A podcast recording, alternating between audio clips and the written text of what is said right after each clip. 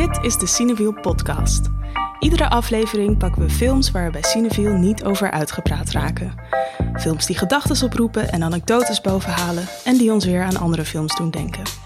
En wat blijkt? Een opvallend aantal van deze films komt de laatste jaren uit dezelfde koker, namelijk die van de Amerikaanse studio A24. Do you think I look like I'm from Sacramento? You are from Sacramento. Now, have you thought of what animal you'd like to be if you end up alone? Yes, a lobster. A lobster is an excellent choice. At some point, you gotta decide for yourself who you're gonna be. Can't let nobody make that decision for you. A lot of the time, we feel like our lives are the worst. I think if you looked at anybody else's closet, you wouldn't trade your shit for their shit.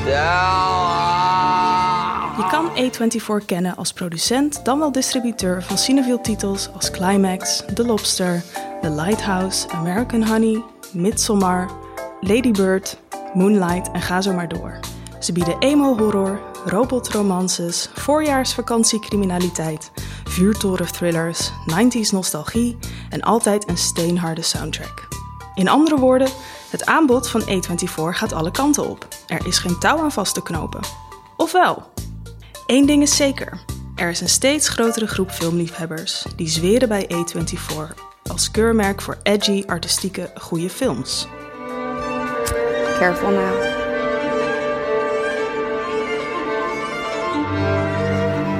Men always feel like they have to fix things for women or they're not doing anything. But some things just can't be fixed. In deze editie van de Cineville podcast duiken we in de A24-materie. Want hoe zit dat precies met die cultstatus? Is A24 het indie wonderkind met alleen maar hits? Of is dat te mooi om waar te zijn? En hoe werkt dat eigenlijk, zo'n filmstudio? Is A24 ook maker of gaat de eer naar de regisseur? En wat is nou dat geheime ingrediënt van al die zo uiteenlopende A24-films, waardoor wij er maar niet over uitgepraat raken? Mijn naam is Maan Milker en ik ben redacteur bij Cineville. En naast mij zitten mijn collega's Lauren Murphy en Jesse Heines. Welkom. Hallo. En zonder te veel op de zaken vooruit te lopen, um, ik wil graag even beginnen met een heel erg kort associatiespel. Welk woord popt op als eerste in jullie hoofd als ik zeg, en je raadt het al, Oh. A24? Neon. Dat wou ik ook zeggen, maar dat ga ik dan niet meer zeggen. Ja, cool. Cool, nice. Ja, bij mij was het misschien wel muziek. Muziek. Ja. Dat, Snap ik eh, ook. Neon cool muziek. Nou, dat is misschien al eh, een goede samenvatting van waar we allemaal later op uitkomen. Ehm, ja, A24. Het is een beetje onwennig om het te hebben over eh, ja, mensen eigenlijk zorg achter de schermen. De drijvende kracht kan je misschien ook wel zeggen achter veel films die wij met veel liefde in Cineville terugzien.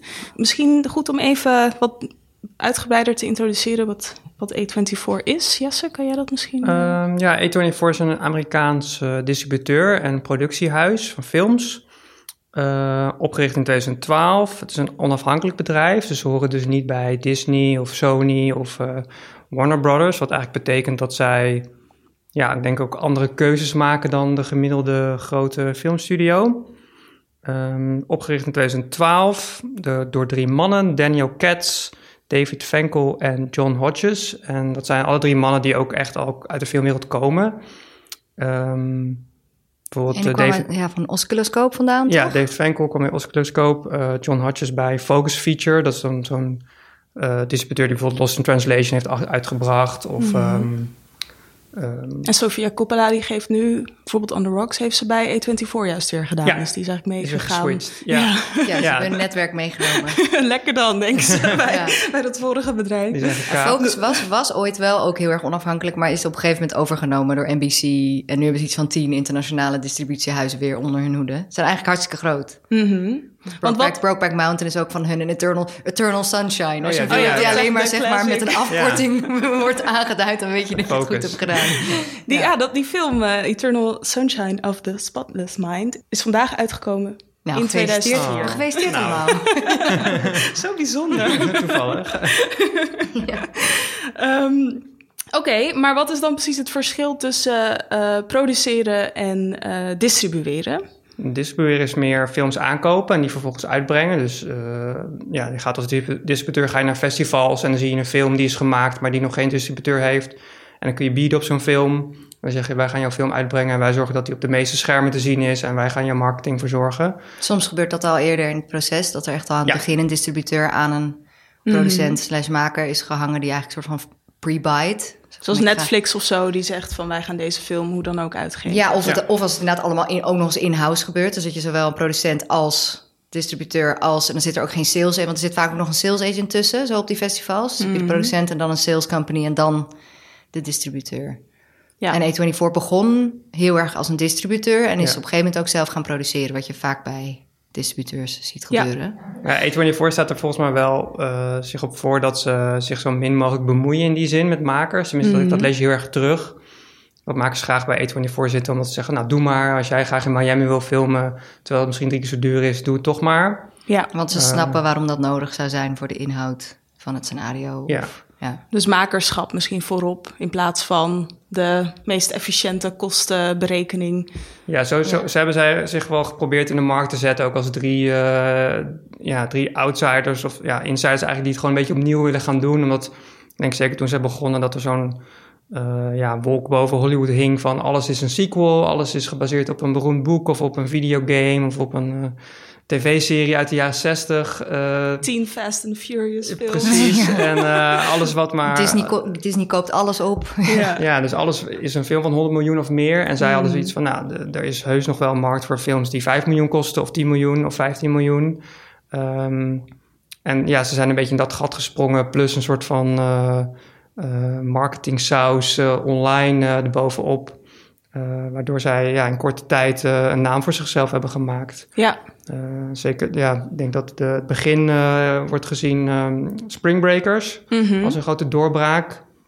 Ik las bijvoorbeeld dan, dat is dan een van die cowboy verhalen, dat zij met een cadeaumand met um, glazen, glazen uh, waterpijp. waterpijpen op het vliegveld stonden om aan uh, de makers van Springbreakers aan te bieden van hey, wij willen jullie film. Wij snappen jullie. Ja, wij snappen het. wij ja, weten hoe we dit in de markt moeten zetten. Ja. En dat is natuurlijk iets wat uh, een, een, een ja, met, hoe zeg je dat? Even negatief gezegd, een, een accountant van Disney nooit zou bedenken. Dus zij kwamen uit een soort gaarkantoor in New York, hebben ze dat eventjes allemaal bedacht. Wel grappig dat dan jij Springbreakers, dat daar wel al die Disney-sterren als Selena ja, Gomez en weet je dat die er allemaal in zaten. Dat is meteen een dikke middelvinger. dat, uh, ja. ja. Nou, en echt filmfanaten zelf ook, toch? Of dat, mhm. dat lees je dan ook overal van dat ze gewoon dat mensen zich begrepen voelen omdat ze inderdaad niet met zakenmannen dan zogenaamd te maken hebben, maar met echte filmfans. Ja dan kan je je van afvragen of dat allemaal of dat op een gegeven moment klopt als je zo'n groot bedrijf wordt. Maar wat er volgens mij in de jaren, ze zeggen zelf van waren heel fan van de manier waarop in de jaren negentig distributie, een deel van de distributie werd gedaan. Je had toen ook heel veel onafhankelijke mm filmdistributeurs. Want je had, kwam vanuit de jaren tachtig met gigantische budgetten en de Arnold Schwarzeneggers en de Sylvester Stallones. Die had je ook nog wel tot ongeveer de mid jaren negentig. Toen crashte dat allemaal heel erg. Maar daarnaast. de romcoms. Uh, ja, precies, de romcoms. En de, maar ook gewoon de, de grote studio's die dan ook wel een onafhankelijke tak op oh gingen zetten. Maar je had ook dus, nou ja, Miramax, de... Uh, de beruchte... De beruchte, het, het, de studio van uh, Harvey Weinstein en zijn broer. Um, maar die, waren, die, die hadden een beetje eenzelfde soort aanpak. Ook gewoon heel veel creatieve vrijheid.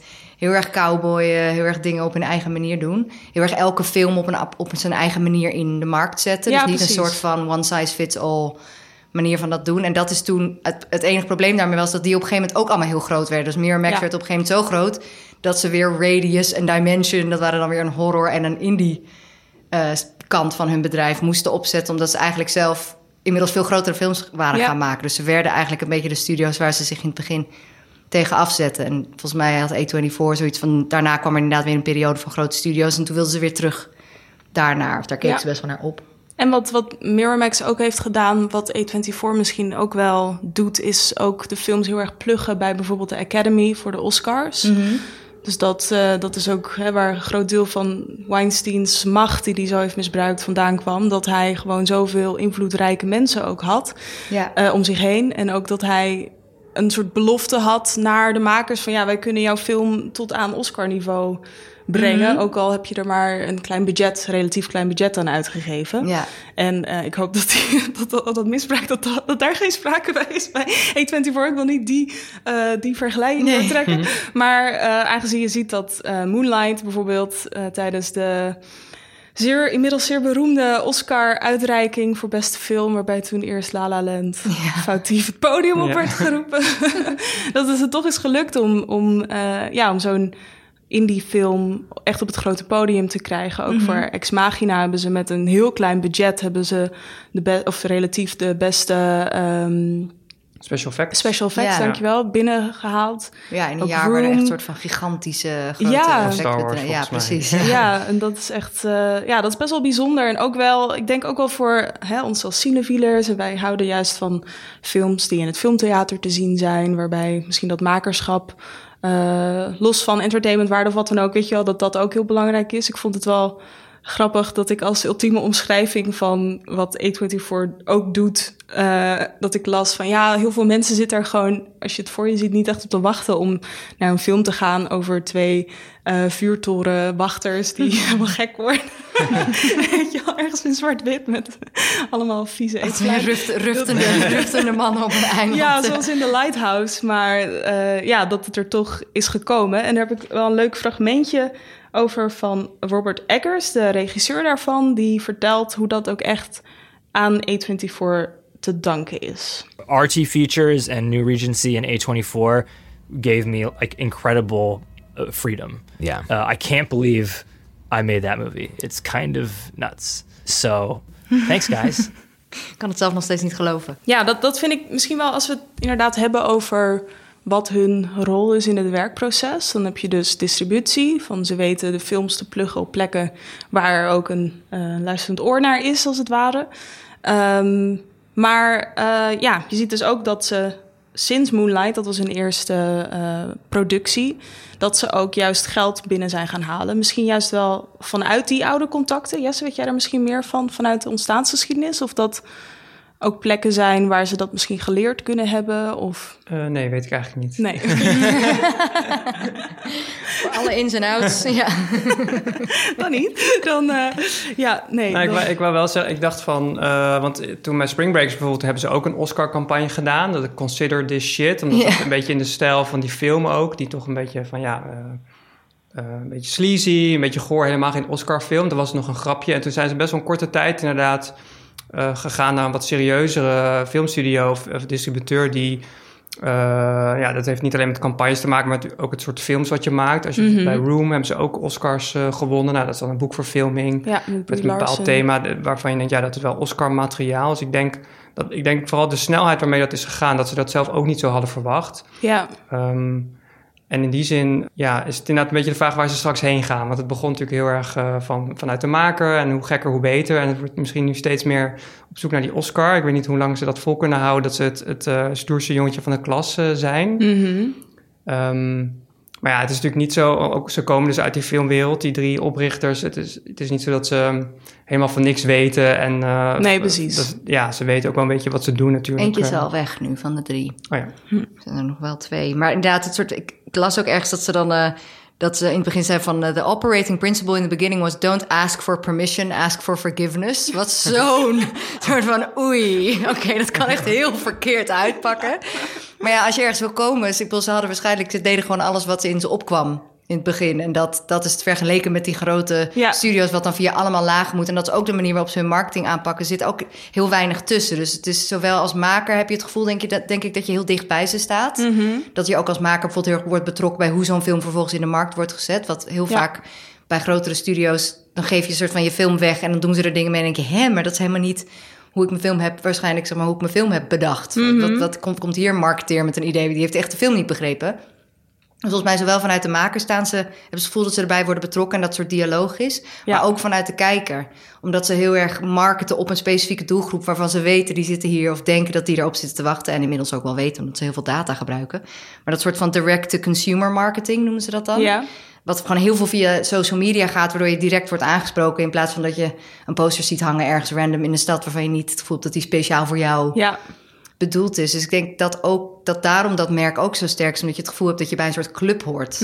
Samen met die maker ook. Je zit eigenlijk heel dicht op het vuur allemaal. Ja, ik heb dat inderdaad ook heel erg bij de podcast die zij produceren. Waarin echt de meest bizarre grote namen als Martin Scorsese en zo, weet je. In de super eh, kwetsbare, ja, ook dat fragment net eh, van Robert Eggers komt daar ook vandaan. Waarin ze dan in een hele kwetsbare setting in gesprek gaan weer met andere makers, weet je wel. Dat je wel echt denkt van, oh ja, dit is...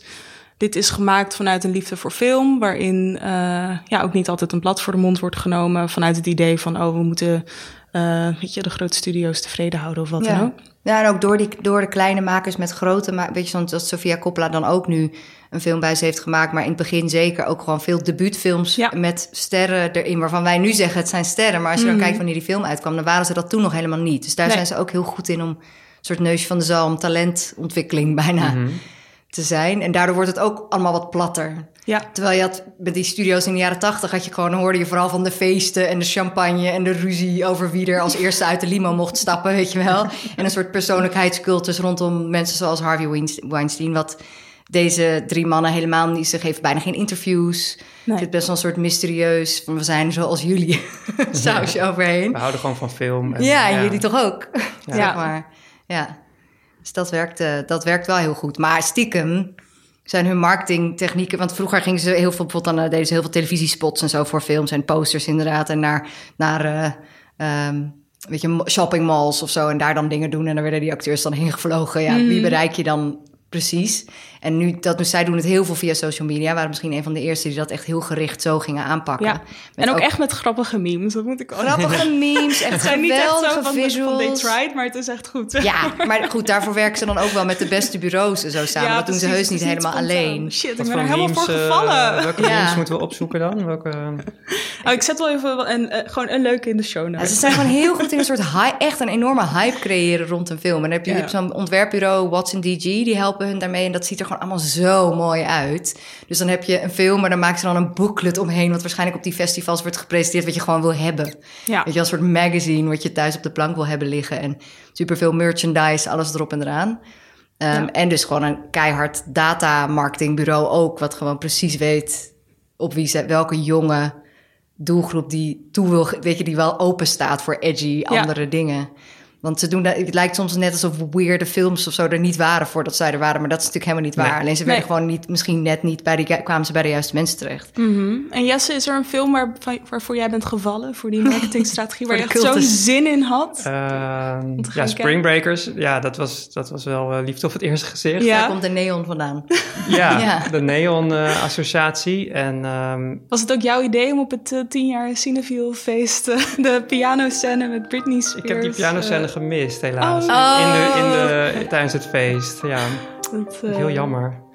Maar ik, ik, ook omdat ik het, ik bekijk het ook vaak vanuit de bril van Cineville. Ik werk natuurlijk hier als redacteur. En dan is het gewoon heel vaak fijn om haakjes te hebben. Om je film aan de man te brengen. En bij Ja. A24 films, of in ieder geval films die eh, in Amerika door A24 zijn aangekocht. En dan naar Nederland eh, worden gehaald. Dat, ja, daar zijn altijd genoeg haakjes om je film op Instagram of waar dan ook een leuke...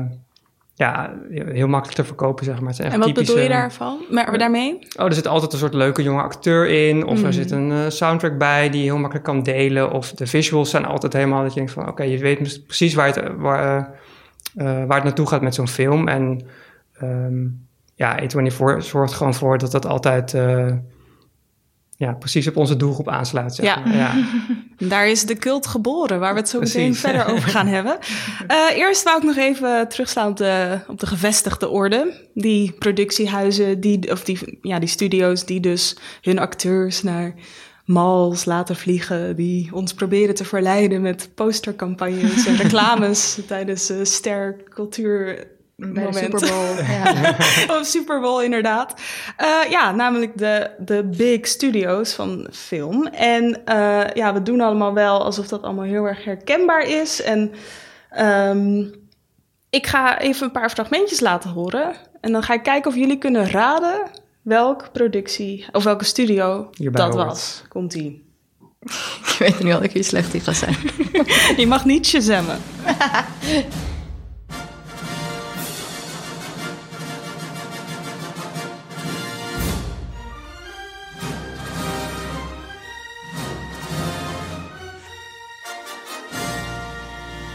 20th Century Fox.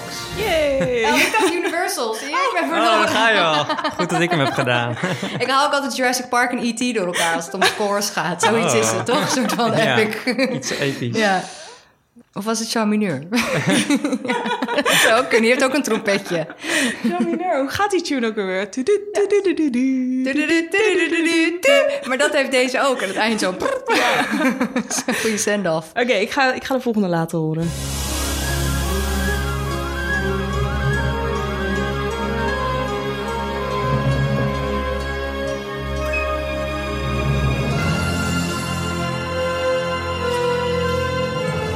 Een kasteeltje voor me. Ja, ik ook. Maar ik, dacht, ik twijfelde ook nog over die, an- die andere. Die splitsing daarvan. Oh, DreamWorks. Ja, dat dacht ik even. Maar het is Disney. Disney. Nee, Nee, het is Nee. DreamWorks. ook niet. Het is Universal. Nee. God damn it. Het is Columbia, van die met, eh, met de Oh, maar er vallen wel, wat ik wel, eh, want wat ik wel voor me zag was water en dingen Ja. die daar. Zij heeft wel, er vallen volgens mij die sterren vallen. Ja, het is wel gewoon heen. inderdaad Nee, de is, classic eh, visual Dat is van- DreamWorks. Nee, dat is Paramount. Dus je zo die sterren zo over die berg. Oh ja. Ah, ja. Te vaak gezien allemaal. Maar Columbia is van. Sony Pictures. Dus het is weer een sub. Oh ja. Ja, maar, en Sony Pictures Classics heeft dan weer een logo wat een beetje op dat van A24 lijkt. Wat soort van zo, gewoon best wel grafisch. Ja je, hebt, ja, je hebt toch ook Sony Entertainment bijvoorbeeld, wat eh, bij een film als Call Me By Your Name heb je zo'n heel blauw scherm. En dan met van die jaren tachtig Ja. soort video, weet je, van die letters die, ja, VHS-letters. Ja, ik probeer het uit te leggen. Ja, dat is Sony Pictures Classics volgens mij. Oké, ja, Entertainment. ja, ja, precies. dat vind ik ook wel iconisch. Gewoon heel erg, heel erg droog. Ja, maar daar speelt het A24-logo natuurlijk ook heel erg mee met een soort van VHS-kwaliteit. Ja. Het gaat ook Ja. een beetje zzzt, alsof er zo'n glitch in het Ja, want die is helemaal stil. zit. Geen geluid, Dat inderdaad. Stil, maar wel met kleurs. Ook die kleurtjes Ja. die je kan hebben als de zon verkeerd op iets... Ja, ja. Wow.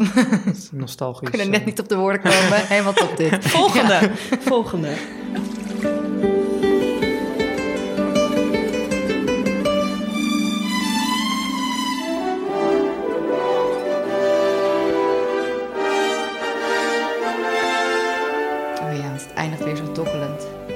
Is wel DreamWorks, toch? Ja, dit is wel DreamWorks. Ja. Heel goed. Ja. Dit is hem. dit is hem. Dit is hem. ja. ja, dat zijn echt... Wat zijn, wat zijn Nederland... Ik, moet- we moeten ook een Nederlandse distributeur erbij hebben. Hebben die niet vette jingles? Even te Eh, denken. Cinia heeft die hele vrolijk met die oogjes Ja. en die taart. Ja. Heel luid opeens zo bam. Ja, ja, die is heel chill. Ja, dat, ja, daar moet ik nu ook aan denken. Ja, verder moet ik qua Nederlandse bioscoop op dit moment voornamelijk denken aan de Europa Cinema. Ja, die Oh ja. missen we allemaal zo erg. Ja, dat, Speaking of leuke memes. Er was toch ook die ene met die dans, die kat die zo zijn hoofd bobt, maar die werkte met dat liedje. Utrecht, Utrecht. Ik, ik edit hem er wel even in. Ja.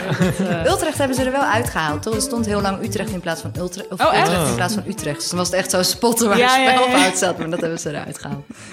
Nice. Oké, nou, dit, eh, bij mij roepen dit soort ehm, geluiden al best wel heftige gevoelens op. Weet je, als in dat ik echt denk van, dat staat echt voor meer. A24 staat voor veel mensen ook voor meer. Namelijk voor, we zeiden het net al, neon, cool, muziek, keurmerk. Talent. Ja, ja. Ja. Hoe komt dat nou? Misschien is het goed om even in een paar films te duiken ehm, die voor ons echt peak A24 zijn. Films waarvan we echt denken van eh, dat waren topfilms om naartoe te gaan. Die hebben het goed gedaan. En je, weet je, je bent er nog over na gaan denken daarna. Eh, je denkt ook, je voelde je ook zelf cool. Je had zin om neonlichten aan te schaffen. Wat is het E24 gevoel voor jou, eh? Ja. Voor mij is het eh, iets minder de horrorkant en zo. Ook al weet ik dat die wel bestaat, of het genrehoekje. Ehm gewoon dat dat niet per se de eerste films zijn waar ik naar op zoek ga. Maar het zijn wel films als ehm, Lady Bird, ehm, High Life en ook heel erg eh The Farewell Oh ja. eh, van Lulu Wang. Omdat dat ook een film was waarvan zij zich ook heel erg heeft uitgesproken van... ik heb dit echt alleen bij A24 op deze manier, deze film... onder mijn eigen voorwaarden kunnen maken. En dat heeft toen wel indruk op mij gemaakt... dat ik wel dacht van, oh, dit is wel heel fijn dat er voor haar nu... dan een platform is in Amerika om in haar geval dan eh, ja, haar verhaal te vertellen... hoe het is als eh, persoon die in Amerika is opgegroeid, maar waarvan de familie uit China komt en zo. En dat dat in Amerika toch wel eh, ja, een lastige positie heeft. Ehm, en dat A24 zich daar wel heel erg hard voor heeft gemaakt. Waardoor zij ook wel echt een goede ronde heeft gedaan in bijvoorbeeld de award seasons. Wel weer hetzelfde met wat nu ook eh, Minari, een nieuwe A24 eh, release van Lee Isaac Chung. En dat is een film over een, ehm, een Koreaans-Amerikaans gezin. En dat is nu bijvoorbeeld bij de, ja, was ingedeeld bij de Golden Globes als uh, foreign language film. Um, het is inderdaad een foreign language als je, weet je, als, het, uh, als je het vergelijkt met Engels, maar niet als je bedenkt dat het een Amerikaans verhaal is. En dat, mm. weet je, dat nergens in de grondwet is vastgesteld dat uh, Engels Amerikaanse taal is. Of weet je, dat. Um, en ook dat ze daardoor niet kunnen meedingen voor, voor beste film binnen de Golden Globes bijvoorbeeld. Er zitten weer van die politieke dingen achter. En dat is wel iets waar, ja, wat A24 niet schuwt, denk ik, dat soort uh, films. En die toch wel breed plucht en ook juist laat zien van, hé, hey, dit moet er gewoon kunnen zijn. Ja. Um, en ik had ook heel erg, uh, voor mij is Moonlight ook heel erg een A24 film. Vooral ook door de soundtrack en het heel hard huilen. Ja, nou, en ook een voorbeeld van een verhaal wat misschien niet zo snel verteld zou worden. Ja, ook klopt. Gewoon, uh, of dat heeft Barry Jenkins, de regisseur, ook wel gezegd. Van wie ik had echt niet verwacht dat, dit, dat ik meteen hiermee ook dan mijn feature zou kunnen gaan maken over ja. dit, met dit onderwerp. Ja, voor mij, ik, ik merkte dus toen we het gingen researchen dat je een soort van twee categorieën, in mijn hoofd heb ik een soort twee categorieën A24 films. Mm -hmm. Je hebt dus inderdaad de, de kleine auteurs-driven, bijzondere verhalen die misschien ergens anders niet zouden worden opgepakt. En je hebt de gekke, hippe genre mixen. En die staan soms best wel lijn, die hebben niet zoveel met elkaar te maken, soms lijkt het. Dus die kan ik dan ook niet helemaal verenigen. En ik merk wel dat mijn, het brand A24 meer naar de, de beetje soort over de toppen hippe coming of age slash genre dingen neigt. Ja. En dat ik dan soms vergeet dat ze juist in dingen zoals The Farewell en Moonlight zo vooruitstrevend zijn. Mm -hmm. Dus dat ik, als ik daar, weet je, dan denk ik bijvoorbeeld aan, volgens mij was Green Room een van de eerste films waar ik, uh, waarvan ik, het is gewoon zo'n simpel verhaal. Allemaal artiesten in een kleedkamer tijdens een concert. En die worden dan van buiten, die worden soort van opgesloten omdat ze van buitenaf door neonazies worden bedreigd. Maar het is toch ook heel erg cool. Ja. weet je, het is een soort van, van, die, van die films die je in één zin kan pluggen. Ja, wat best wel high concept. Ja, precies. Je, als je ja, maar, een social ja. media postje eraan wil wijden. Ja, en ook Ex Machina bijvoorbeeld is ook toch... Het is natuurlijk ook een hele slimme film, maar het is ook wel gewoon een hele hippe sci-fi. Het ziet er vet strak uit. Ja. Dat is een film uit 2014 van uh, ja. Alex Garland. Is dat, dat is denk ik ook wel een film die bij veel mensen is blijven hangen. Als een, uh, ja, een indrukwekkende film in ieder geval uit dat jaar. Waar, waar lag dat bij die film specifiek, denk je aan? Want ik Waarom moet dat zo'n hit is geweest? Ja, ja. Uh, ik denk dat het heel erg, uh, een heel erg prikkelend idee is. Dat er een soort van robot is ergens die op het punt staat de mensen te verschalken. Mm -hmm. Uh, ook het gifje van uh, Oscar Isaac heeft denk ik heel erg geholpen. De dansende, mm. dansend in de neon Ja, ook gewoon best wel room. fun. Ja. Get down Saturday night. Ja, Ja, dat, precies. ja, dat is gewoon iets wat heel vaak terugkwam. Nou, en daar hadden ze dus bijvoorbeeld als marketingding... hadden ze dan, was het op Sundance of zo... hadden ze een Tinder-profiel aangemaakt met een foto van Alicia Vikander... die de hoofdrol speelt. Ja. En daar best wel mee in de problemen gekomen. ik weet ook niet of dat nu nog zou kunnen. Want Vikander wist ook van jaar niks. Hè? Ze wist Oh, nee, Nee, dat kan gewoon een oude Nee. foto van haar. Oh ze God. moesten snel iets bedenken. Jij ze zei net, Lauren, van eh, do first of ask permission Ja, later. dat was- Nou, ging in ja, dit geval, daarover, ja. eh, uiteindelijk vond ze het volgens mij wel prima. Maar dat was inderdaad ook zo'n ding wat voorbij kwam van... Oeh, heb je het gehoord op Sundance? Hebben Ja. ze eh, Ja, getinderd met een robot? of zo? Ik vond dat zelf wel ook echt een, uh, een male gaze film, om het zo maar even te noemen. Ja. Dus uh, lekker naar naakte lichamen kijken, Fembot, zonder uh, dat dat per se heel erg uh, dienend is voor het verhaal. Of tenminste, het is wel dienend voor het verhaal, maar het verhaal aan zich is al... Uh, gaat ja, al heel ja, erg sure. over de. Ja. Maar het is ook weer zo opgezet dat het daar ook weer heel erg expliciet over is, waardoor je het ook weer kan opvatten als een bewust onderzoek daarnaar. Mhm. Weet je, wat altijd zo'n beetje grijs gebied is van... Hmm, maar kan je het wel gewoon doen als ik zeg dat ik het Dat is doe? het thema van de film is. ja, maar dat geldt voor Spring Breakers of zo natuurlijk ook. Ja, Dat is een soort dat is een fine line waar ze zich dan op... uh, ja, ja, er wordt even hier op de achtergrond uh, wordt er even iets een, verschoven. hek, een hek eh. open gedaan. Ja, er is veel verkeer. Ja, er gaat even een robot cage open hierachter. Nee, zeker. Oké. Nou ja, en, en ook volgens mij, is, maar dat, en dat is dan meteen ook misschien een kritiek, misschien ga ik daar te snel in, maar dat, dat het, dat kan ook best wel plat uitvallen. ja. Omdat ze op die grens laveren ook vaak. Ik weet dat de eerste keer ook dat ik Under the Skin keek, dacht ik echt, nou, heb ik niet wat gezien. is dat dit? is met Scarlett Johansson, toch? Ja, als, um, Alien. Ja, maar daar komt ja, wezen Mhm. wat op aarde is eh, en mannen haar Nee, Wat alles mag spelen. donkere wat ze hol intrekt. Ehm, het is een... Ja, nee, ik, ik, volgens mij moet je niet veel over vertellen als je hem niet hebt gezien. Maar het is Mhm. een, een film die eigenlijk pas bij mij na drie keer kijken of zo... dat ik dacht, oh, oké, hier gaat het misschien over. En dat viel in eerste instantie voor mij in een soort van vervelende categorie hipheid. Gek genoeg. Ah, ja. Door ik, haar, denk ik, door de muziek. ja, en dat kwam niet eens... Er zit helemaal geen neon in of zo, helemaal niet. Maar, maar ik vond het gewoon zo... Ik dacht, oh ja, dit is een beetje zoals sommige kunstinstallaties kunnen zijn of zo. Het was gewoon te vaag voor mij. Ja, maar dat is wel voor mij iets wat, wat heel erg voor A24 spreekt. Dat je gewoon het gevoel hebt van... oké, ze hebben deze gast gewoon hun gang, zijn gang laten gaan. Deze regisseur, Jonathan Glazer. Jonathan Glazer, ja. En het enige wat A24 dan misschien eh, wil of eist... is dat eh, Scarlett Johansson erin zit of zo. Dat is dat voor, voor hun een belangrijke reden om, om mee te doen... met, met misschien een miljoen dollar of vijf miljoen. Ja, En dat, ja, ze hebben ook heel veel films gemaakt... die, die hebben in Nederland niet eens gehaald... of die, daar is niemand heen geweest... of die is ergens op een streaming eh, beland. Ja, Dus als je echt allemaal afgaat, denk je van, nou ja, oké, het is misschien missers 50-50. Maar ja, dat is wel risico van het vak. Als je Disney bent, dan ga je dit allemaal doorrekenen. En dan ga je Ja. eh, bekijken van wat werkt wel en wat werkt niet. En zij, dat gevoel krijg ik in ieder geval erbij. Ook wat je zei over Lu Luang, dat zij gewoon mocht doen wat ze wilde. En dat Mhm. pakt soms eh, geweldig uit. En soms eh, is dat, levert het een enorme, enorme misser op. ja. ja. Maar het, wat natuurlijk wat, wat hun, wat een van de kritiekpunten die je ook wel eens hoort, is van ja, ze hebben, ze hebben stiekem helemaal niet zo heel veel goede films gemaakt. Want van Ja, de, precies, van de zes tot beginnen, tien inderdaad. films die de, op de sleet staan ieder jaar, zijn er vier misschien echt heel goed. Ja. Maar waarin zij dus heel goed zijn, is weten dat zijn de vier waar we aandacht aan gaan besteden. ja, en ook En heel erg die andere films heel erg bij weghouden. Ja, precies. Ik ga gewoon straight to VOD met, die, met DirecTV, die partner waar ze een deal mee hebben. En volgens mij zijn ze financieel ook niet... Als je kijkt naar de box-office cijfers of zo... zijn ze natuurlijk niet zo heel groot. Dus hoe houdbaar, dat ga je zien. Van, kunnen ze het Mhm. Ja. volhouden om zo te Ja, werk te dat- blijven gaan... en niet te wel- fuseren of... Ja, nee, zeker. Weet je wel? Want dat vind ik ook wel interessant. Dat ze enerzijds... hè, dus bijvoorbeeld inderdaad best wel grote makers aantrekken. Eh, ik noem even eh, dus Claire Denis, ehm Gaspar Noé. Denis Villeneuve. Ja, Villeneuve inderdaad. Ari As... Era, Ari. Ari Aster. ik hoor het altijd in mijn hoofd. Het is een soort. Scandinavische naam of gewoon super Nederlands uitgesproken. Maar hij heeft echt de meest absurde vocal fry in het Amerikaan. Hij, hij praat gewoon niet. Hij is gewoon alleen maar zo. weet je wel. Is sowieso wel veel mensen die bij Het is ook een 24 podcast met hem. eh, ja, dus die met eh, Robert Eggers toevallig. Ehm Jorgos Lantimos inderdaad. Maar dat de films die daar tegenover staan... daarvan ben ik dus heel erg benieuwd... hoe het voor die makers is om een film te maken bij A24... waarvan je weet wat voor geweldige marketingtrucjes ze Er allemaal kan, uit de ja. kast kunnen trekken... maar dat ze dat gewoon net niet bij jouw film doen. Of net niet voor de platforms waarvan jij dacht van... nou, dat lijkt me nou leuk, zo'n Oscar winnen. Ja.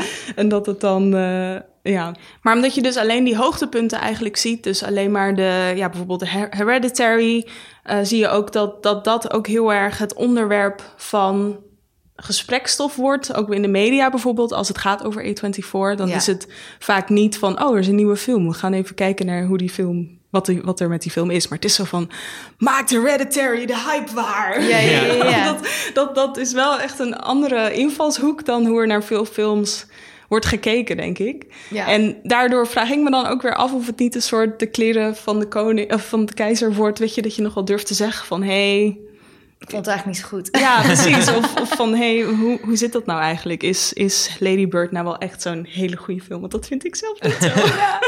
Ik vond dat van... Ik, bij Hereditary dat merkte je wel ook de, de crux van een marketing... van goede marketing. Mhm. Dat dat heel erg werd geplucht als de engste film ooit. En ik weet dat ik toen naar de première kon in Tuschinski. En er waren allemaal BN'ers.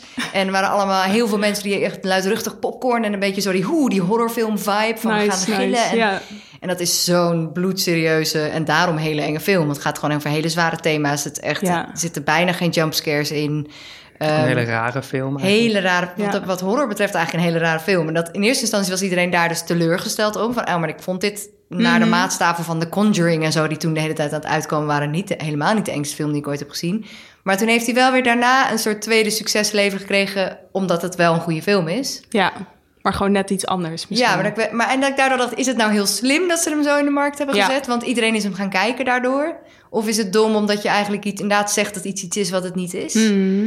Eh, en achteraf dacht ik, maakt eigenlijk niet uit, want onder de streep heeft Ja. de film het gewoon heel goed gedaan. Het is ook misschien een beetje hetzelfde als met Midsommar, hoe het daar is gegaan. Zelfde maker, weer uh, Ari, Ari, Ari Aster. dat daar ook, daar werd ook heel erg stellig, uh, werd dat ook geplucht als een, ja, als misschien niet per se een enge film, maar wel als een hele heftige film. En die heel erg in je lichaam gaat zitten. Waar je echt niet meer hetzelfde uitkomt en zo. En uh, nou ja, het heeft er misschien mee te maken dat ik hem niet in de bioscoop heb gezien. Maar ik, ik ging er ook wel met wat andere verwachtingen in dan hoe ik eruit ben gekomen. En dat is ook wel iets wat, wat ook zo is als je zo'n groot aanbod hebt dat alle kanten op gaat. Dan kan je ook niet al je kijkers tevreden stemmen. Nee. En daarom is het extra opvallend dat het wel zo is dat A24 een soort keurmerk is geworden. Zo van. Ja, want oh, normaal is het heel duidelijk dat distributeurs en takken van distributeurs een soort hokje ja. hebben. Dat je, en dat ook heel logisch is om films daar meteen in te plaatsen. En toen ik die lijst, toen we het over deze podcast hadden, en je gaat die lijst bekijken van wat ze allemaal hebben uitgebracht in, sinds 2012. Ja. Dat je eigenlijk echt meerdere keer dacht: oh ja, oh, oh ja, die is ook van hun. En dat is wel knap. Ja, kan je daar een voorbeeld van noemen? Nou, ik was helemaal vergeten dat alles van Lantimos bij hun zit, bijvoorbeeld. Mm -hmm. Ja, maar dat heeft misschien ook mee te maken omdat het in Nederland natuurlijk niet wordt uh, gedistribueerd door A24. Omdat wij weer onze ja. eigen distributeurs hebben. Ja. Waardoor dat misschien weer. Ik weet niet of het letterlijk, als wij hier een film zien, of er dan het A24. Volgens mij, ik denk bij Lantimos dat, daar, dat je daar geen A24 voor ziet. Ik mm -hmm. denk ook dat de meeste mensen überhaupt niet bij stilstaan van welk, wie welke film distribueert. Ja. Maar bijvoorbeeld bij Lantimos, dan, dan moet ik eerst aan Filmfreak denken, de Nederlandse distributeur, mm. en dan pas aan A24, die pas later zijn aangehaakt bij hem. Dat is ook best wel een groot verschil, denk ik, tussen films waar zij op een later moment dan de, de check voor uitschrijven ja. en de films die ze echt mede produceren. Ja. Nou, en ook misschien verschil tussen een soort van Amerikaanse producties, waar dan al een soort. Want daar zijn ze natuurlijk heel goed in, een soort buzz creëren, nog voordat die film mm -hmm. überhaupt is aangekocht en uitkomt hier. Dus dat je van Uncut Gems of zo, weet ik nog, van daar was dan de trailer was al wel. En daar, stond, daar staat dan wel dat logo Pontificaal ja. ook voor. Ja. En die door dat soort drie traps coming of age uh, van Lady Bird, 8th grade en mid-90s. Die mm -hmm. werden toen ook zo best wel kort na elkaar uitgebracht. En daar was wel heel duidelijk dat dat van hun was. Dus zelfs ja. als dat hier niet door verschillende distributeurs dan wordt uitgebracht in Nederland, was dat voor mijn gevoel wel heel erg eten Ja. voor. Dus ik vond het dan wel grappig om te zien dat er sommige films dus tussen zitten waar ik dat niet bij had. Ja. En of dat dan vanuit hun een bewuste keuze is geweest ook. Of vanuit de Nederlandse distributeur om het niet te veel een A24 sausje Ja, ja, te geven. Want dat kan ook tegen je werken misschien. Um, High Life had ik het inderdaad wel mee. En nu heb je natuurlijk, als het goed is, komt dit, dit jaar The Green Knight uit. Mhm. Van David Lowery. Die ook al helemaal vies gehyped is op basis Ja. van de trailer. En waarvan ik een beetje Het is ook wel hetzelfde- zieke trailer. Ja, maar ik heb het gevoel dat ik die niet goed ga vinden. En ik weet niet waarom. Volgens mij is opeens mijn A24-tax bereikt Oh met ja, die oh film. Gek toch? Ja, nee, het zijn inderdaad ook wel erg veel films. Ik heb ze, we hebben ze hier ook, eh, ik heb ze ook voor me liggen. Ja. Het is wel echt een, eh, een lang lijstje dat je haast niet weet waar je moet beginnen. Maar ehm, ja, ik, ik dacht, ik, ik wil nog even wel... We hebben het net gehad over die marketing. En inderdaad, eh, misschien een beetje onconventionele marketingstrategieën... zoals met dat Twitter, eh, Twitter Tinder-account. En ik heb daar nog een fragmentje uit, uit weer die podcast met eh, Robert Eggers, waarin hij een soort gelijke situatie omschrijft, waarin A24 hem zijn film heeft laten maken, maar wel in het marketingproces heeft gezegd van dit gaan we gewoon doen, of je het nou leuk vindt of niet. En dat vond ik wel interessant dat hij daar zo eerlijk over was. Ook omdat hij het gewoon zegt in de podcast van A24. Ja. Wat ook alweer wat zegt, dat dat, mag wel, wel gewoon van kan. hun ook waarschijnlijk, ja.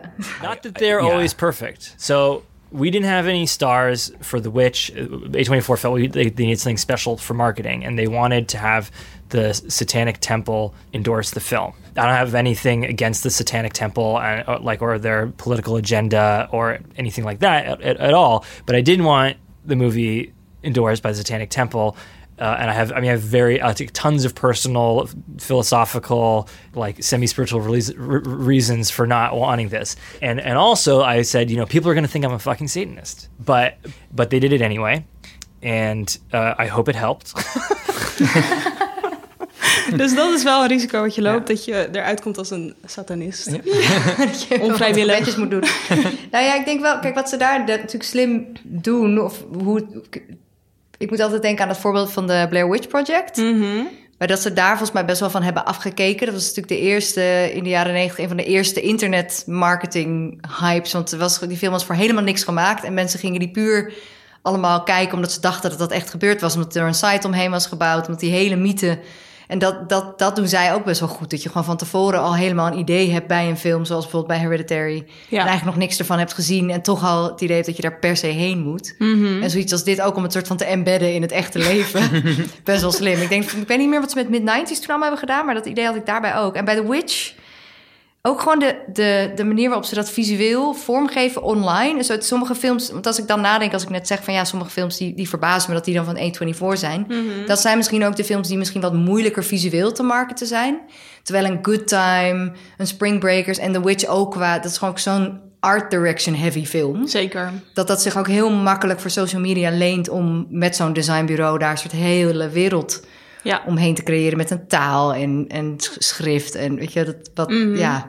Ja, je, je hebt nu inderdaad eh, Good Time en eh Uncut Gems genoemd van de Safety Brothers. Dat zijn voor mij ook wel echt. A24. Echt films, A24. Ja. Ja.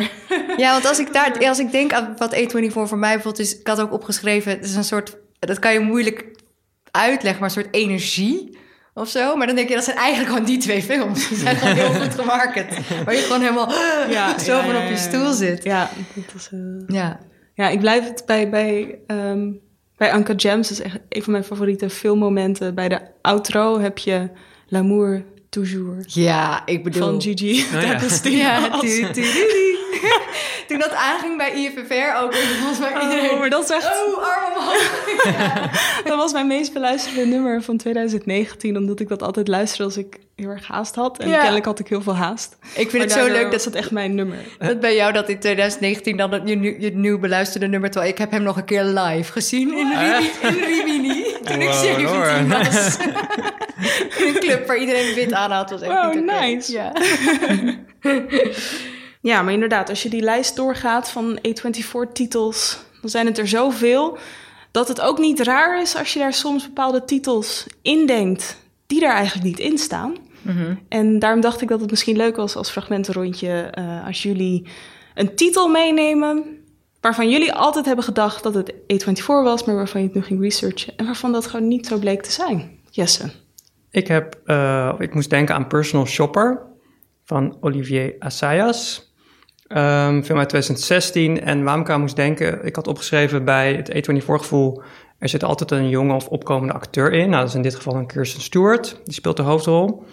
Eh, het personage is altijd een beetje gek. Het is een drugsdealer of het is een heks of het is een ridder. En in dit geval is het dus een personal shopper slash een medium. Ehm, en de setting is altijd, eh, ja, vraagt om een soort van visuele, eh, ja, het, het springt eh, zeg maar in het oog. In dit geval is dat dan modewereld van Parijs. Er zit veel haute couture in. eh speelt zich af in, hele rijke, in het leven van hele rijke mensen. Dus het heeft ook iets visueels. En, ehm, maar nu bleek dus dat Kirsten Stewart, in mijn hoofd is zij echt de A24-actrice ook. Maar ze heeft maar in één A24-film gespeeld, Equals, uit 2015. Die denk ik in twee zalen in Nederland heeft gedraaid. En niemand ooit meer wat van heeft Het gehoord. heeft gewoon heel veel indruk op jou gemaakt. Ja, Ehm, ja ze, ze is dus eigenlijk helemaal geen eh, A24-actrice. En in deze film speelt ze dus een, een personal shopper die eh, in Parijs ehm, ja, eh, winkelt voor, voor een rijke, rijke vrouw. En ze is in Parijs omdat haar broer is overleden. En ehm, ze wacht eigenlijk op een bericht van hem uit het hiernamaals. En ze krijgt ook eh, gekke sms'jes waarvan ze dan denkt, is het dan mijn broer? En het is super weird en het is ook gewoon een beetje traag en langzaam. Wat vaak ook bij A24 het geval is dat ze het dan heel erg hip en snel marketen. Zoals The Witch bijvoorbeeld. En Hereditary. En Hereditary. Tragisch. En vervolgens gaat, gaat heel, eh, heel de wereld gaat erheen. En dan denken ze, wat is dit voor saaie, arty, farty uh, Wat flutfilm. praten ze raar. Ja. Ehm, dus dat, dat vind ik zelf ook... eh, ja, ik zag, ik zag een kop ook voorbij komen van... heeft eh, A24 het Amerikaanse publiek getricked... in het eh, lokken naar The Witch bijvoorbeeld... als film van... ja, de marketing was beter dan de film. Of in ieder geval, Oh. ieder geval sneller dan de film. Ja, ik, ja maar dat is... eh, ja, voor mij... In mijn hoofd was dat dus heel erg het A24. Maar Ja. het, het is gewoon van IFC en The Searchers in Nederland... heeft het uitgebracht. En niet A24. Oké, we gaan even luisteren. So we made this oath. Whoever died first would send the other a sign.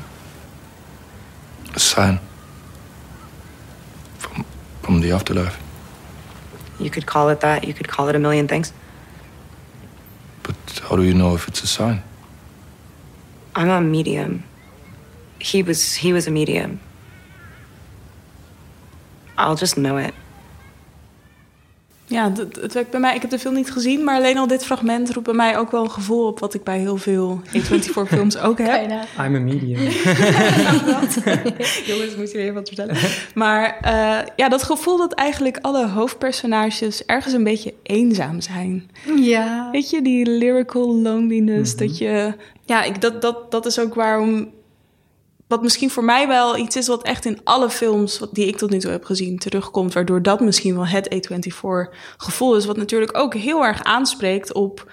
Uh, ja, wat heel veel bijvoorbeeld jonge mensen van nu ervaren. Zeker nu ook in een coronacrisis waarin dat helemaal wordt uitgekristalliseerd, zeg maar. Maar juist dat idee dat je niet helemaal weet waar, waar je misschien bij hoort of waar je, waar je eindigt, dat klinkt zo heftig. Maar ik bedoel, weet je wel, van wat, wat is hier voor jou? Ja. Of, uh, en wat heb je aan...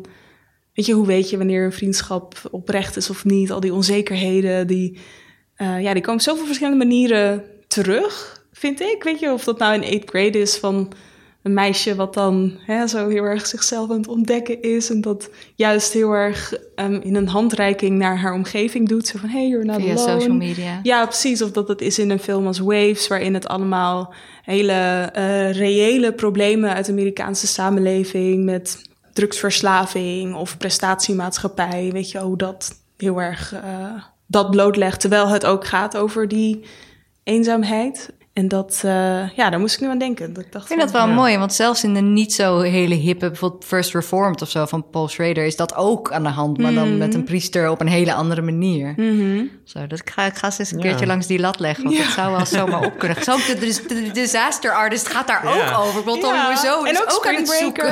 Ja. Ook Amy, weet je, ook hun documentaires dus van uh, Asifcapedia, weet je, dat je denkt van ja.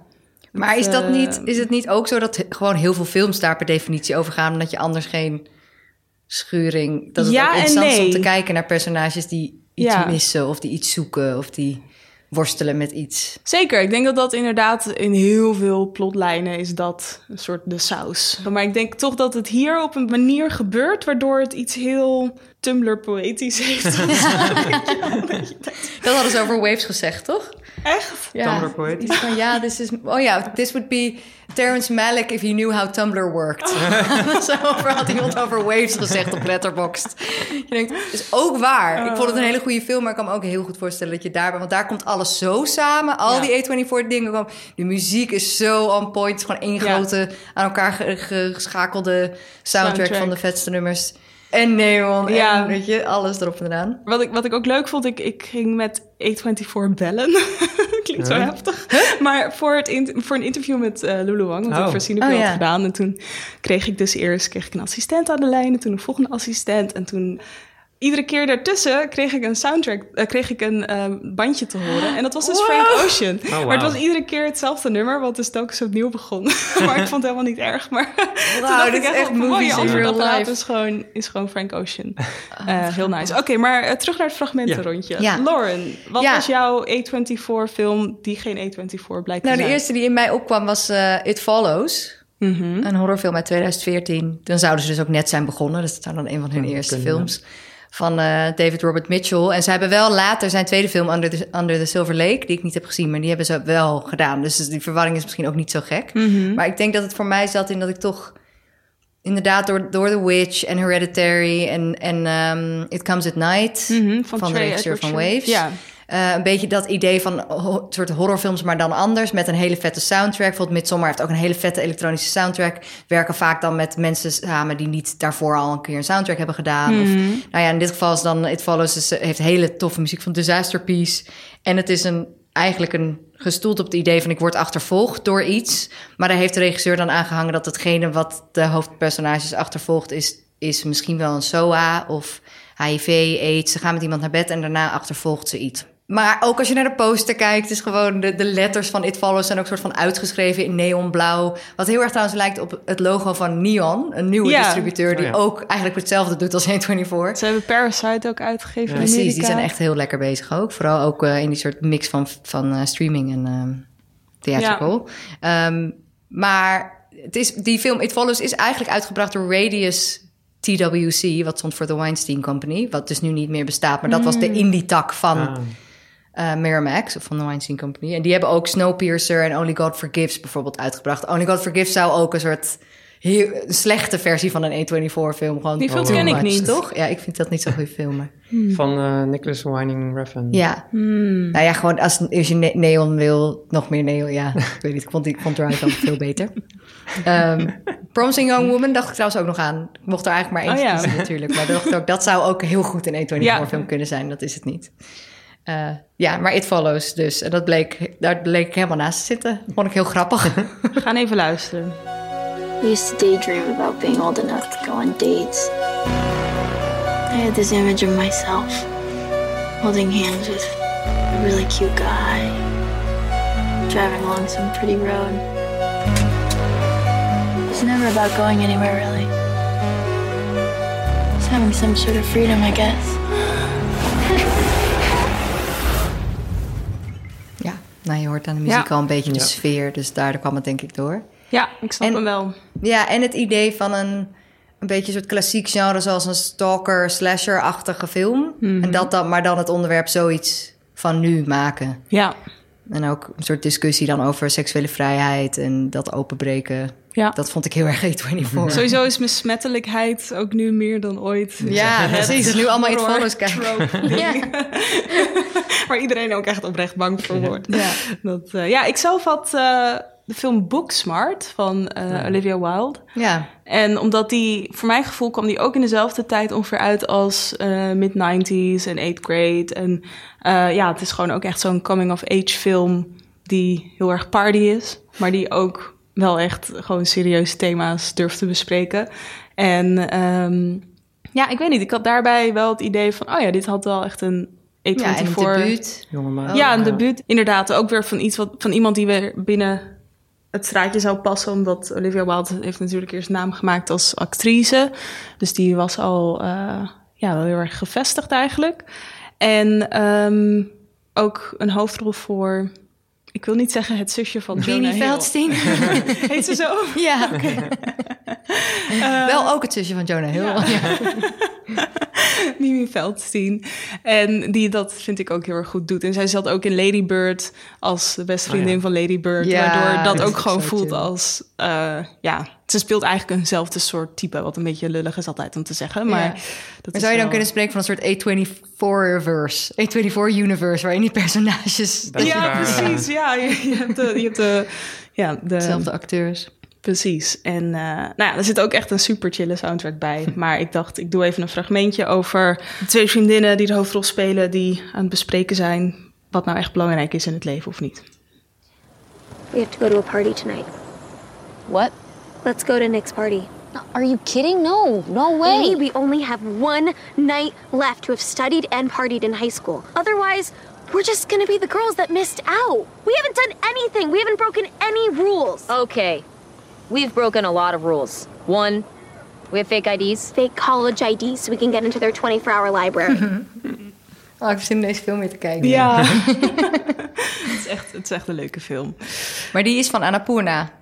Ja. Annapurna. Vind ik op een manier raar om uit te spreken. Ja, wat ook inderdaad wel... eh, ja, kan je die echt benoemen als concurrent van A24? Of zitten ze toch wel in een net andere Nou, qua, ja, eigenlijk wel. Mhm. Ze zijn ook ongeveer rond dezelfde tijd begonnen. Nou, weet ik even niet meer. Want Spring Breakers is 2000 ook door Annapurna Geproduceerd. geproduceerd. Oh, ja. Ja, precies. Dus dan was de distributie, distributie door A24. ja, en Everybody Wants door- Some ook. Mhm. En volgens mij 20th Century Women is ook van A24. Ja, dat is A24. Ja, dat is geproduceerd door Annapurna. Oké, ja. Ja. Dus ze hebben en samengewerkt. En Annapurna heeft bijvoorbeeld ook eh Her gedaan. Oh ja, ja want Dat, dat, is zou ook echt een zo- A24-film kunnen zijn. Alleen die is uit welk jaar? 2014 of zo? Dat is net te oud misschien. Nee. Ja, of 2011? Ja, ik weet Ja, het niet. Volgens mij, dat weet, ik- weet ik ook niet. Nee. Moeten we opzoeken. Ergens tussen 2010 en 2015. Maar dat had ook ja. echt inderdaad een soort robot Scarlett Johansson. Ja, precies. Eh, ja. a sad guy, Nee, lyrical loneliness. Ja. Nou, wat wel zo is, is dat Annapurna inmiddels wel wat meer samenwerkt met grote studio's. Zoals Oh, ja. MGM en UA, United Arts en Universal Music. Bijvoorbeeld hebben ze dan Mhm. ook een deal mee. En ik heb het idee dat A24 heeft dus wel met DirecTV een deal, maar niet Ja. zo...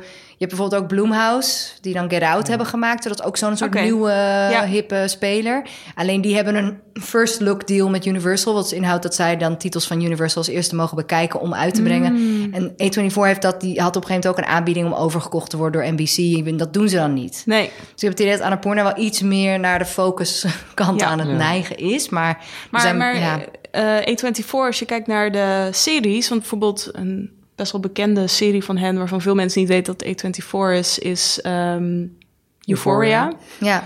Want dat wordt juist heel erg geassocieerd. Oh, moet je echt doen. Ja. Dat is echt geweldig. Dat zegt iedereen. het is ook echt super sad, maar het is wel ook echt geweldig. Eenzame jonge mensen. Dat, ja, het is... Ja, dat, ehm, Maar waar wordt dat dan op gestreamd? HBO. HBO, ja. Want voor mijn gevoel is HBO is een beetje de A24 van streaming. Ik heb bij HBO eenzelfde Ja. gevoel. Nou, niet qua inhoud, maar zo'n soort Ja, zo'n ze hadden keurmerk. ook Transparent. Dat ik gewoon denk, wat HBO En, maakt, ja. vind ik goed. En in de praktijk is dat helemaal niet altijd zo. En toch blijf ik dat vinden. Mhm. Terwijl ik dat bij Netflix bijvoorbeeld helemaal niet heb. Dat ik denk, dat is soms heel goed en soms heel snel. Ik vind het eigenlijk zelden heel goed, maar vooral... Terwijl bij Netflix ben ik soort van verbaasd als er dan een Roma op staat... en ik sommige films heel goed vind. En bij HBO vind ik alles goed, soms Ja. vind ik het slecht. Grappig, toch? Ja. Ja zo, ja, zo werkt dat wel. Ik heb daar wel even een grappig fragmentje over. Over een YouTuber. Ik kijk heel veel van die YouTube-essays. Weet je, gewoon vind ik echt geweldig. Het zijn eigenlijk ook een soort podcast, maar dan met beeld. En eh, dit is van iemand, eh Yara Zaid, die ik wel volg. En zij heeft een echt super fijne essay gemaakt. De Medi- Mediocrities of A24. Van jongens, ja, er zijn hitjes, maar er is ook echt een hele grote middenmoot. Die gewoon wel oké is en niet zo bijzonder. En eh, ja, zij ergert zich een beetje aan hoe mensen, ja, dus A24 zien als dat keurmerk waar we het al eerder over hadden. En daar zegt ze het volgende over.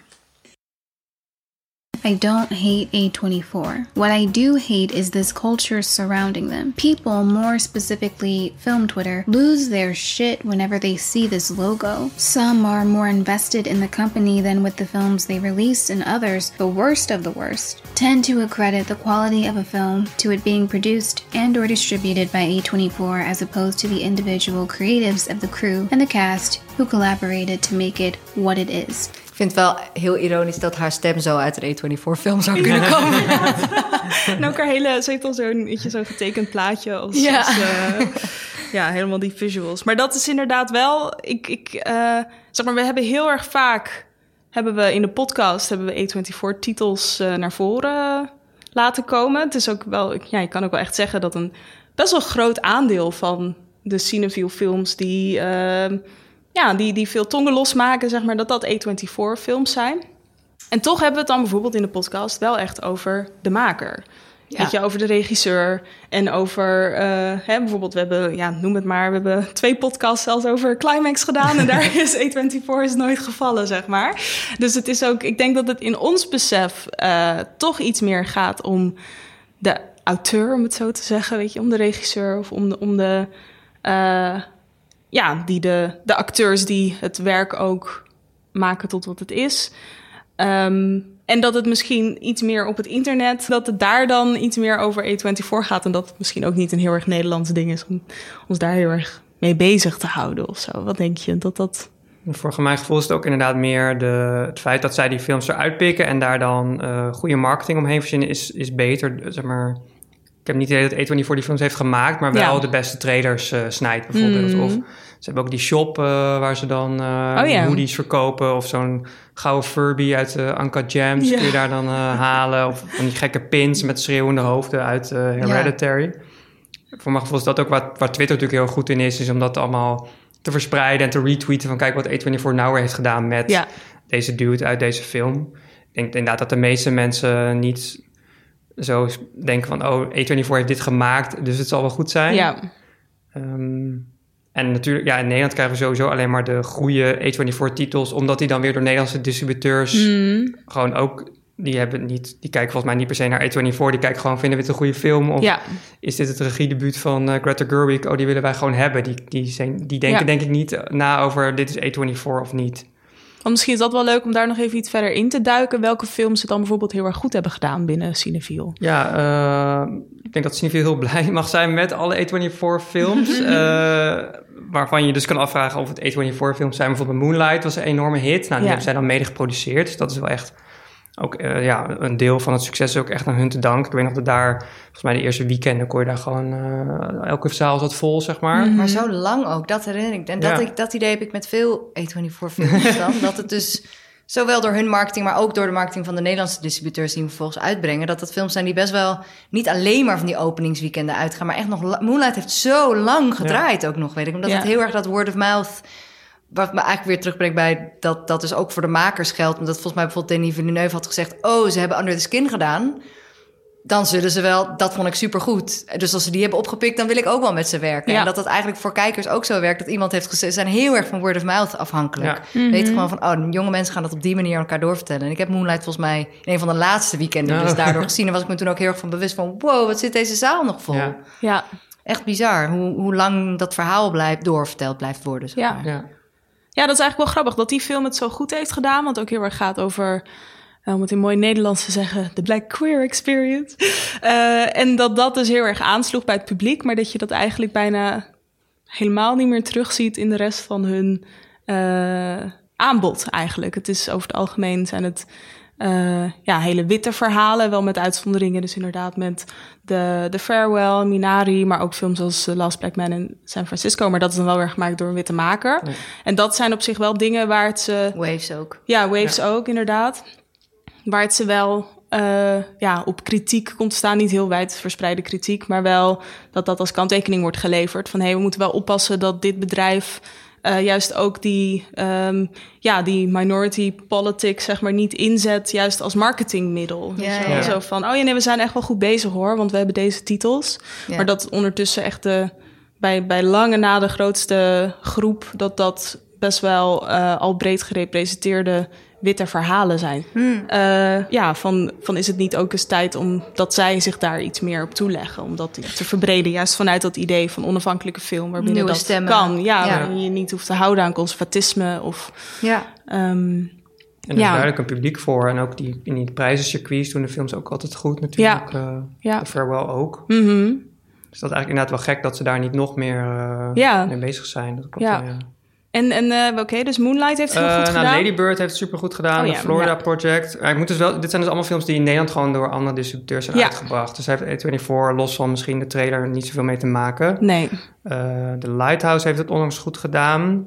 Ja, bijvoorbeeld een film als Hereditary eh, ook. Maar die draait dan in wat minder zalen. En dan zag je bijvoorbeeld ook aan het cijfer. Bij Cineville kun je het ook, ook een aantal sterren uitdelen. Dat Ja. toch relatief laag was. Volgens mij was het een 3,3. Dat is niet per se heel hoog. Mhm. Dat mensen daar toch met andere verwachtingen misschien heen zijn gegaan. En, Ja. eh, eh, ex- Terwijl dat wel nog steeds volgens mij hun grootste kastsucces is. nou ja, ik, dat was ook in Amerika. Dat las ik dat inderdaad dat het eh, Ja, toen klopt. enorm goede marketing omheen en, en volle zaal in het eerste weekend. Maar dat ze dus een cinema score hadden van een D plus. Ja, ja, ja. Wat super laag is. Dat echt vragen mensen na afloop van wat vond je eigenlijk van? Eh, en dat, volgens mij waren er ook toen ook allemaal verhalen van. eh, heeft A24 weer eh, Ja. de boel zitten opkloppen? Of Ja, het, of ja, het verkeerd verkocht? ja. Weet je, als je het verkoopt als misschien Ja. meer een soort van arthouse horror, dan gaan Ja. mensen er niet heen en denken van, oh, dit is weer de, de zoveelste jumpscare ehm, Ja. film. Ehm, dus ja, dat, dat zag je in Nederland eigenlijk ook. Dat dat bij Hereditary, een soort van de hype was eigenlijk groter uiteindelijk dan de, Mhm. de payoff. Ehm, en ja, ik denk dat, eh even kijken hoor, ja, de Florida Project wordt ook genoemd. The Lobster, 20th Century Women. Ja, bij Cineville zijn we altijd heel blij als er een soort voorachtige titel ook gewoon in Nederland wordt gehaald. Dat is eigenlijk altijd voor Cineville goed nieuws eh, Mhm. als die erbij zitten. Er zijn er ook Ja. een paar waarvan je hoopt dat ze nog steeds komen. Zoals? En dat je dus hoort, nou bijvoorbeeld Minari, Mhm. die, die is natuurlijk nog door, ook door COVID nog niet uitgebracht. Nee. Maar dat is, dat is dan bijvoorbeeld een film waar we echt veel mailtjes over binnenkrijgen. En dat heb je met Mm. andere... Dat, ik heb wel het gevoel dat dat vooral met A24-films de afgelopen jaren gebeurt. Maar mailtjes van, hey, komt dit... Van, eh, komt hij ja. nog uit? Ik wil Oh, die zo graag zien, ja. weet je wel. Dus dat, dat ik heb de, en bijvoorbeeld Slice was ook zo'n, volgens mij een hele rare, ook weer een horrorfilm, iets met pizza. Ik heb hem niet gezien, over Oh, een pizza met, eh, bezorger. Chance the Rapper, Ja, met? Chance the Rapper, ja. En eh, die, daar, die, die, waait dan over. Dus dan waarschijnlijk denken ze, Ja. nou, er is gewoon geen, toch geen markt voor in Nederland. Ja. Maar wie weet. Ja, mensen zien natuurlijk gewoon op, op Twitter en Instagram... krijg je gewoon die Amerikaanse marketing krijg je Ja, gewoon mee. En die hype, dat is natuurlijk veel groter dan de Nederlandse film Twitter. Maar dat, ja. Ja. dus zo komt het natuurlijk wel een beetje bij ons eh, binnen. En Maar Saint Maud, de favoriete film van- van 2019 van Jente. Maar Minari is wel aangekocht. Die komt gewoon Ja. eh, straks eh, na de zomer, denk ik wel gewoon. eh. Ja, spannend. Ja, wat komt er nog meer aan? Pleasure, toch? Pleasure, ja, maar dat is dus, eh, dat is gewoon, eh, die film is gewoon gemaakt eh, met Nederlands geld ook. En volgens mij is het een Deense of een, nee, een Zweedse film. Mhm. En die gaat dan naar Sundance, gaat die dan in Amerika in première. En dan denkt A24, oh, dat is iets voor ons. Het gaat over een ehm, Zweedse actrice of een Zweeds model die pornoactrice wil worden in Mhm. LA. Ook met allemaal pornoacteurs opgenomen daar eh, in Amerika. En daar was toen een enorme hype omheen op Sundance. En dan is het best wel ja, bijna logisch dat A24 dan denkt van... hé, hey, een film over porno in L.A. van een Zweedse maker. Hier gaan we voor, weet je wel. Dus, eh, Ja. En in Nederland is hij dan... Die was dan al lang een breed door Gusto. eh, of tenminste, die hebben dat dan aangekocht. Of die zitten daar dan al in. Ja. Eh, die komt volgens mij ook deze zomer inderdaad. Maar Ja. ik vraag me echt af of je ooit in Nederland... Want ik bedoel, wij weten wel... Ik weet van, van de meeste distributeurs wel ongeveer wat hun profiel is... en wat je van ze kan verwachten. En ook een beetje persoonlijke favorieten al. Van nou, Ja. als dat... eh, Maar dat is ook echt omdat je werk is. Precies. Ja. Dus ik, en ik denk dat, dat, dat zoiets als A24, zo'n cultus eromheen... dat dat in Nederland toch niet... A, zijn er veel minder budgetten bij gemoeid ook of zo. Dus het is ook allemaal kleiner wat er wordt Mm. gedaan. En ik denk dat bijvoorbeeld Gusto is qua profiel heel erg wel een beetje die kant op. Die doen heel veel verschillende dingen. Dus die zijn ook niet in een hokje te plaatsen. Dat vind ik heel spannend. Ja. Maar ik denk toch dat dat nooit op die manier... een soort van algemene... Ah, komt weer een nieuwe film van Gusto eh, uit, weet Nou, je je wel? hebt een cinefiel film, toch? Eh, Oh, dat is wij, sorry. Ik ben onze eigen marketingmachine eventjes aan het negeren.